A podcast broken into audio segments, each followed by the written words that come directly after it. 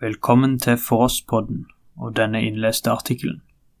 Den oppstandende Jesus som frelser av Arne Helge Teigen. Teksten er innlest av Inger Holter. Den oppstandende Jesus som frelser. Arne Helge Teigen. Jesu oppstandelse er grunnleggende for den kristne tro. Mange dyktige tenkere har levert holdbare historiske argumenter for at hans oppstandelse virkelig skjedde. Dette blir ikke hovedtema her. I stedet spør vi hva det betyr at den oppstandende Jesus Kristus stadig lever som Gud og menneske. Jeg starter likevel med en kort presentasjon av hva Bibelen sier om at Jesus virkelig sto opp fra de døde, både som Gud og menneske. Dette er helt essensielt for hva vi tror og lærer om det Jesus gjør for oss som den oppstandende. Jesu legemlige oppstandelse og legemlige himmelfart. Evangeliene legger vekt på at Jesu oppstandelse kan bevitnes av mennesker som har sett og møtt ham etter oppstandelsen. Disse kunne ta på ham, kjenne på hans kropp, se og høre ham, og berøre hans sår fra korsfestelsen. Eh, de kunne konstatere at Jesus var oppstått, ikke bare som Gud eller som en ånd, men også som virkelig og sant menneske.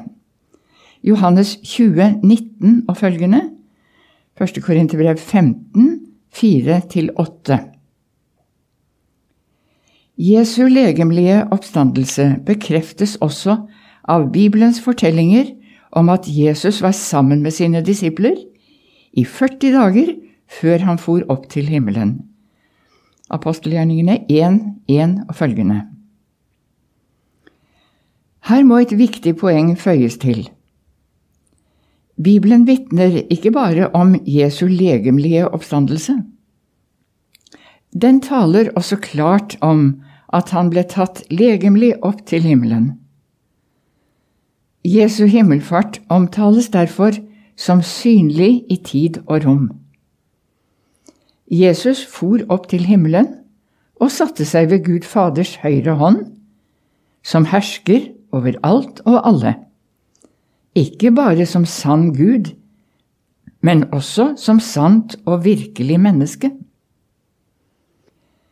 Apostelgjerningene 1,8, Markus 16,19, Lukas 24,51 og apostelgjerningene 2,32 og følgende. At Jesus har den guddommelige makten både som Gud og menneske, er helt avgjørende for hva vi kan tro og tenke om det han stadig gjør i forhold til dem som tror på ham, og i forhold til skaperverk og historie for øvrig. Skal vi forstå det som kan sies om dette, trenger vi å vite noe mer om hva det betyr at Jesus er i himmelen som sann Gud og sant menneske. Vi starter med dette før vi vender tilbake til læren om det Jesus Kristus gjør som den oppstandende frelser. Jesu opphøyelse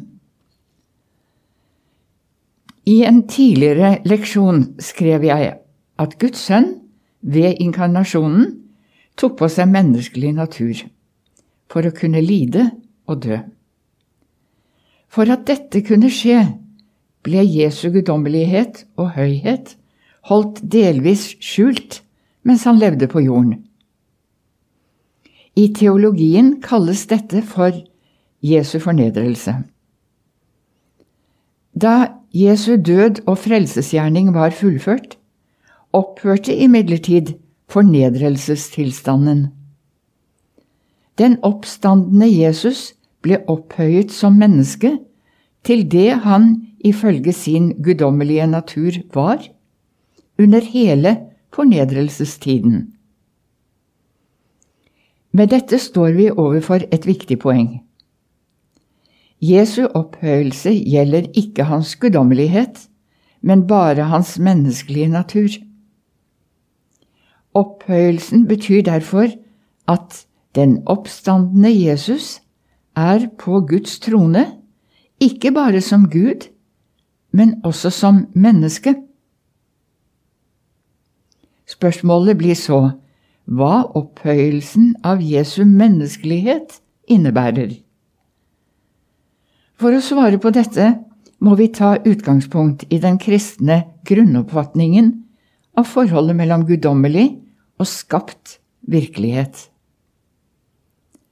Det forutsettes at all skapt virkelighet er avhengig av Gud og mottar all sin eksistens fra Gud.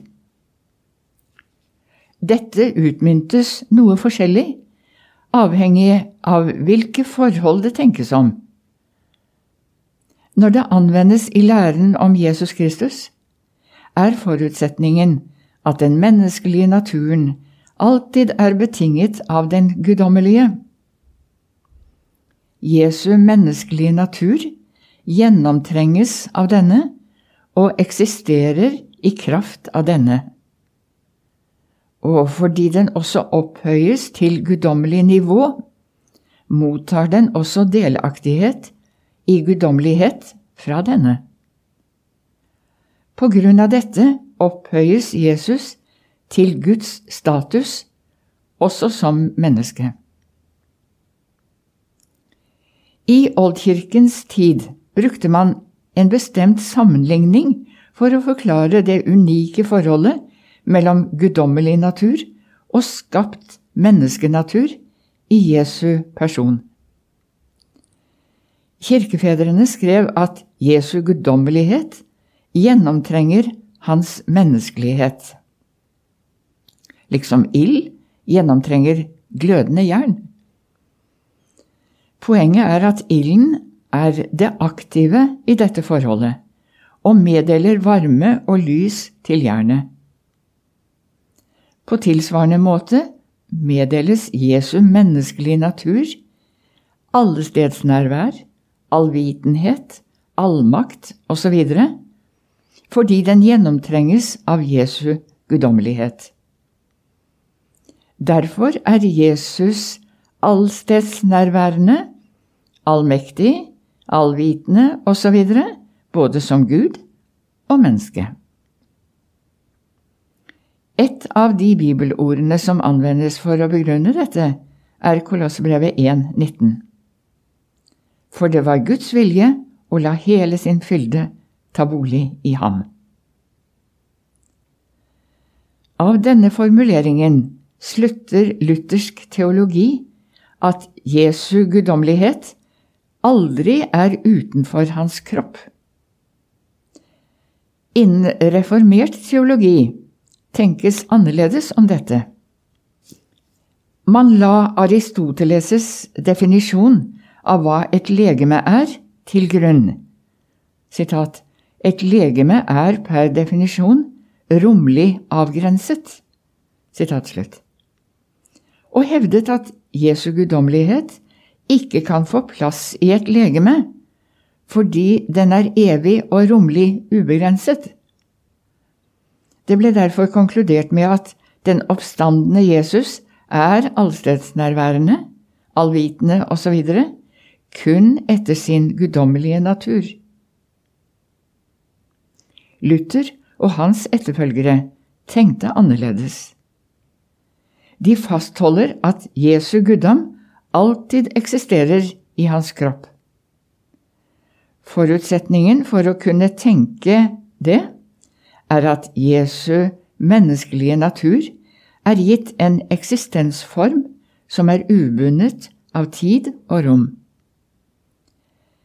I det følgende skal vi se at denne oppfatningen har avgjørende betydning, både for forståelsen av hva den oppstandende Jesus Kristus gjør, og hvordan han gjør det. Hva gjør den oppstandende Jesus Kristus? Fordi den oppstandende Jesu menneskelige natur gjennomtrenges av den guddommelige naturen, handler Jesus alltid overfor skapt virkelighet, gjennom begge sine naturer. I dette samspillet er den guddommelige naturen alltid den primært aktive. I det følgende skal vi se nærmere på hva dette betyr, med utgangspunkt i skjelningen mellom Jesu ypperste prestelige, profetiske og kongelige gjerning. For sikkerhets skyld repeterer vi kort hva denne tredelingen av Jesu frelsesgjerning handler om. Den føres gjerne tilbake til Calvin. Han kalte læren om Jesu offer og oppgjør for menneskenes synder for Jesu ypperste prestelige gjerning. Jesu forkynnelse og undervisning kalte han Jesu profetiske gjerning. Og det Bibelen lærer om Jesus som konge, kalte han Jesu kongelige gjerning. Hensikten var å fange inn de forskjellige sidene ved det Jesus Kristus har gjort, og fremdeles gjør, som den oppstandende. Forholdet er nemlig at Jesus viderefører sin gjerning som prest, profet og konge, også som den oppstandende. Det han gjør, skifter imidlertid karakter særlig hva angår den prestelige gjerningen. Etter oppstandelsen utøver Jesus denne på grunnlag av at soningen for verdens synd er fullbyrdet. La oss se nærmere på dette. Jesus som den opphøyde ypperste prest. Ifølge Det gamle testamentets forskrifter var ypperstepresten overhodet for de øvrige mennene av Arons stamme, som gjorde tjeneste i det jødiske tempelet. Bare ypperstepresten kunne utføre selve offerseremoniene på den store forsoningsdagen. 3. Mosebok 16.1 og følgende. Som folkets representant skulle han utføre soningshandlingen på alles vegne.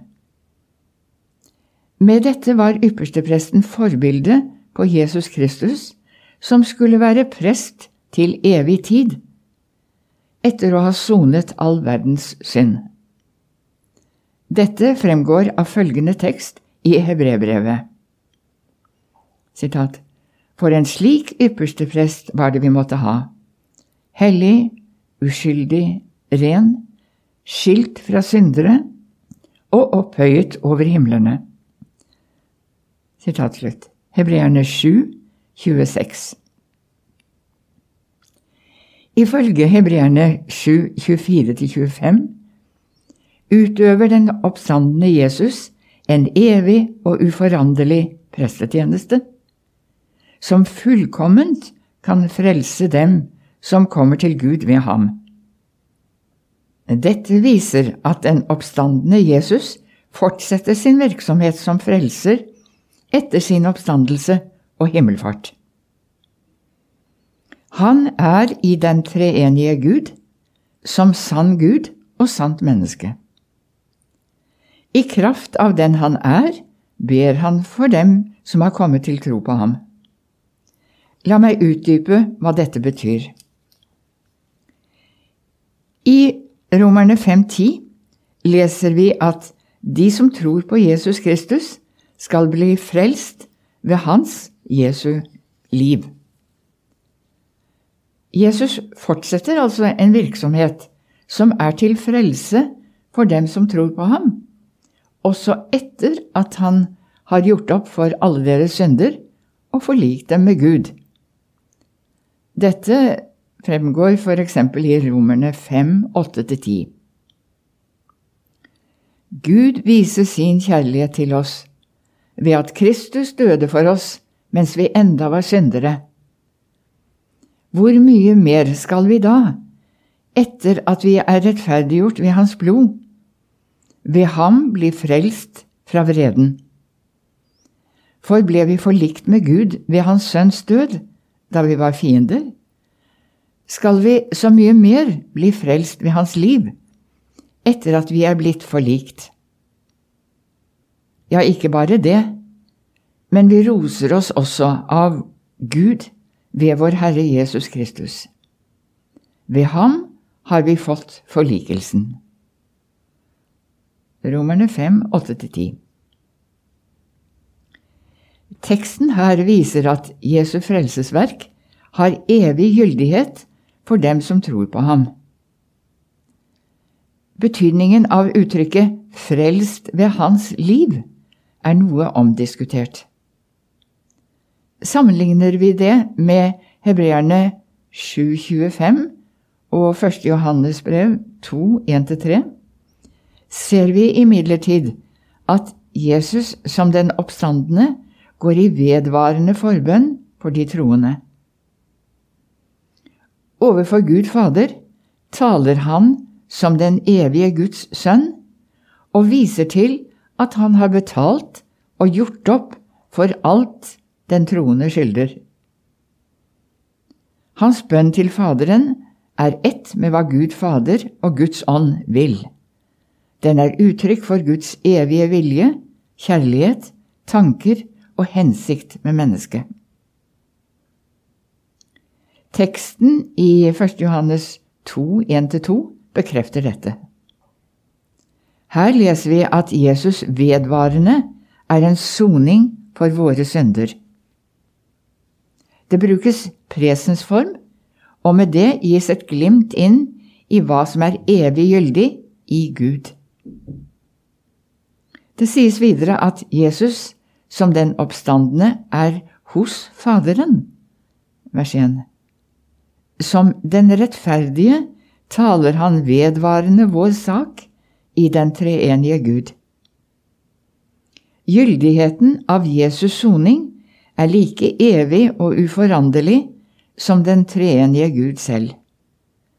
Slik er det fordi Jesus er sann Gud og sant menneske.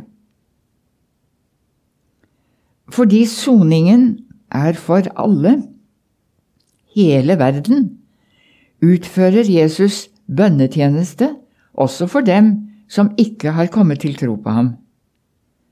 Derfor er det åpen adgang til Guds nåde og frelse for ethvert menneske gjennom Jesus Kristus.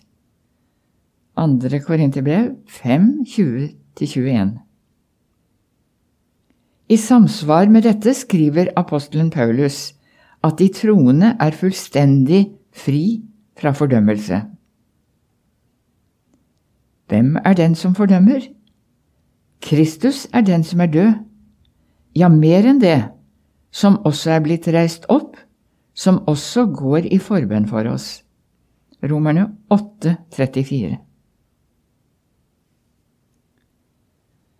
den oppstandende Jesu profetiske gjerning. Som nevnt ovenfor fremsto Jesus som profet da han levde på jorden. Dette kom til uttrykk i hans forkynnelse og undervisning. Jesu profetiske gjerning ble imidlertid ikke avsluttet med dette. Etter sin oppstandelse og himmelfart fortsetter han også denne siden ved sin gjerning. I likhet med hans gjerning som ypperste prest skifter den karakter. Liksom den ypperste prestlige gjerningen forutsetter at Jesus' soningsgjerning er fullkommen og avsluttet, forutsetter den oppstandenes profetiske gjerning også dette. Grunnleggende sett består derfor den oppstandende Jesu profetiske gjerning i å sørge for at ordet om hans frelsesgjerning formidles utover verden, slik at mennesker kan høre og komme til tro på frelsen. Jesu profetiske gjerning skjer primært ved at han, som den opphøyde Guds sønn, sender Den hellige ånd inn i verden. Ånden er, ifølge Jesus selv, talsmannen som vitner om Jesus. Ånden meddeler det han har sett og hørt innad i den treenige Gud, som i anførselstegn tilhører av ordene mellom Faderen og Sønnen. Ånden kjenner dybdene i Gud, alle frelsens hemmeligheter, og åpenbarer dette for menneskene, i ord som nedfelles i den nytestamentlige åpenbaring. 1. Korinterbrev 2, 8-13. Med dette kompletteres Guds åpenbaring. Johannes 14, 26 og Johannes 16, 13. Eldre luthersk teologi knyttet den oppstandende Jesu profetiske gjerning til forkynnelse og lære i Guds menighet på jorden. Menneskers forkynnelse og vitnesbyrd om Jesus ble ansett som en gjerning den oppstandende Jesus selv utøver gjennom dem. Den oppstandende Jesus forener seg med ordene som taler og vitner om ham, så sant disse er i samsvar med det som er åpenbart i Det gamle og Det nye testamentet. Med dette gir læren om Jesu profetiske gjerning grunnlag for en misjonsrettet teologisk tenkning. Som formidler av åpenbaringen er Kirken delaktig, eller kanskje er det bedre å si instrument for, Jesu profetiske gjerning. Denne gjerningen sikter på den ene side å bevare de troende i deres forhold til den oppstandende Jesus, føre dem dypere inn i kunnskap og kjennskap til ham, og helliggjøre dem slik at de utvikles som kristne. På den annen side er hensikten at de som ikke tror, skal ta imot den frelsen som ordene tilbyr, og ved det Jesus Kristus selv. Jesus som den oppstandende konge. I forlengelse av det vi har skrevet så langt, skal vi nå si noe om hva det betyr at den oppstandende Jesus også er konge. I korthet handler dette om at gudmennesket Jesus Kristus, etter sin fornedrelse, død og oppstandelse, er innsatt av Gud som hersker over alt og alle. Han hersker over skaperverket, både som Gud og menneske. Jesus har all makt over det som skjer i historien, og det som kommer i fremtiden. Han setter grenser for menneskers ondskap og styrer historiens utvikling, både i forhold til det som er ondt, i parentes uten å forårsake det onde, og i forhold til det som er godt. Om dette er, i parentes selvsagt, mye å si, som vi av plasshensyn ikke kan gå dypere inn i her. Vi nøyer oss med å nevne at Jesus utøver sin kongemakt gjennom skapt og historisk virkelighet.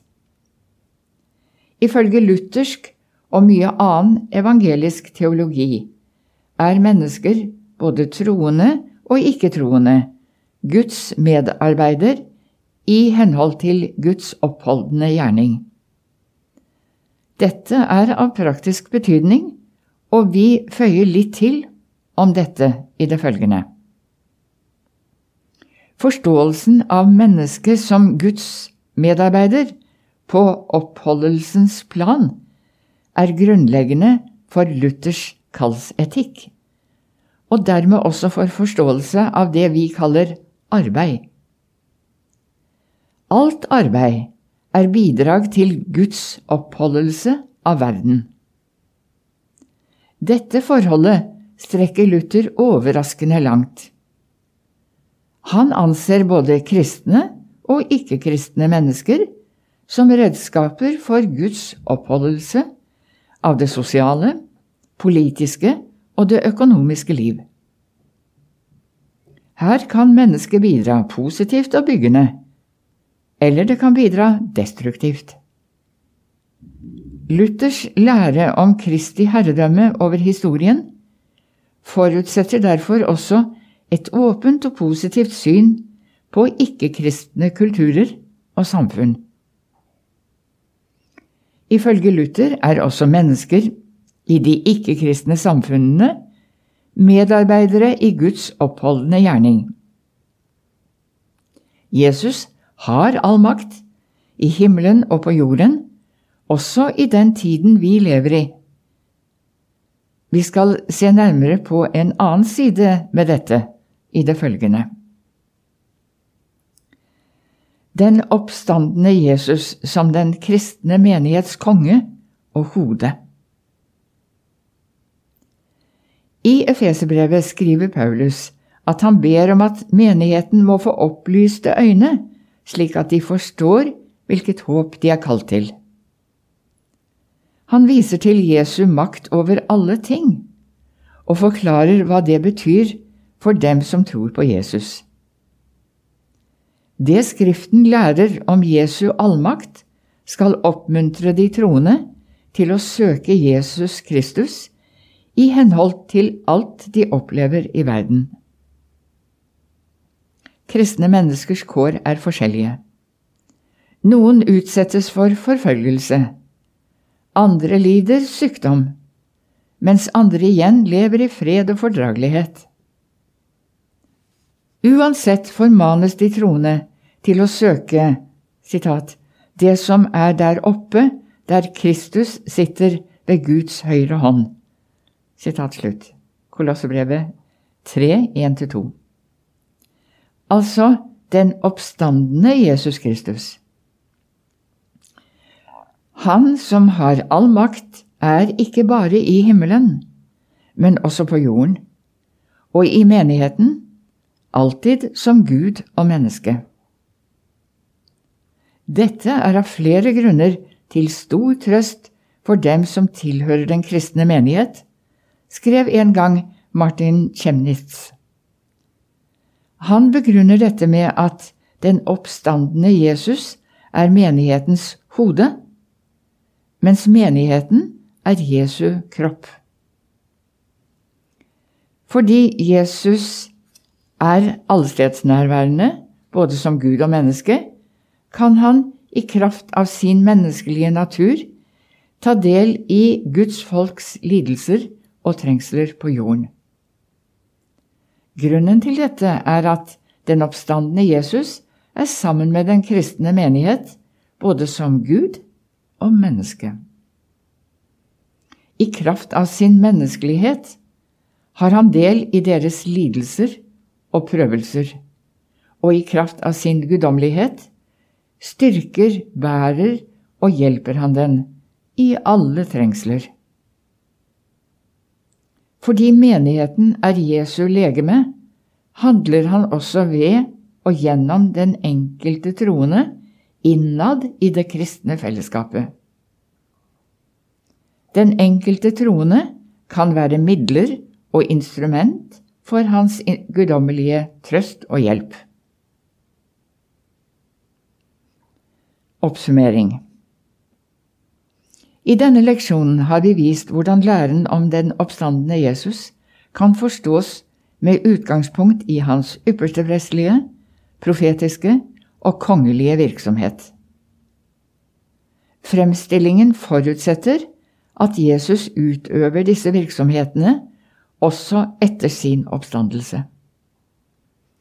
Vi har forklart hva det innebærer på grunnlag av læren om forholdet mellom Jesu to naturer etter hans oppstandelse og opphøyelse. Det vil si ut fra den forutsetning at Jesu Kristi menneskelige natur har del i den guddommelige naturen, slik at han som menneske er allstedsnærværende, allmektig, allvitende osv. Vi har antydet betydningen av dette med hensyn til det troende menneskets status som frelst og salig, Jesu ypperste prestelige tjeneste, for læren om nådemidlene, Skriften, forkynnelsen og sakramentene, Jesu profetiske tjeneste, og for hans virksomhet som konge og herre over alle ting. Vi skal i senere leksjoner se at læren om den oppstandende Jesus Kristus er grunnleggende for læren om rettferdiggjørelsen og læren om Den hellige ånd, nådemidlene og Kirken. Vi skal komme tilbake til dette når disse forskjellige temaene behandles i senere leksjoner.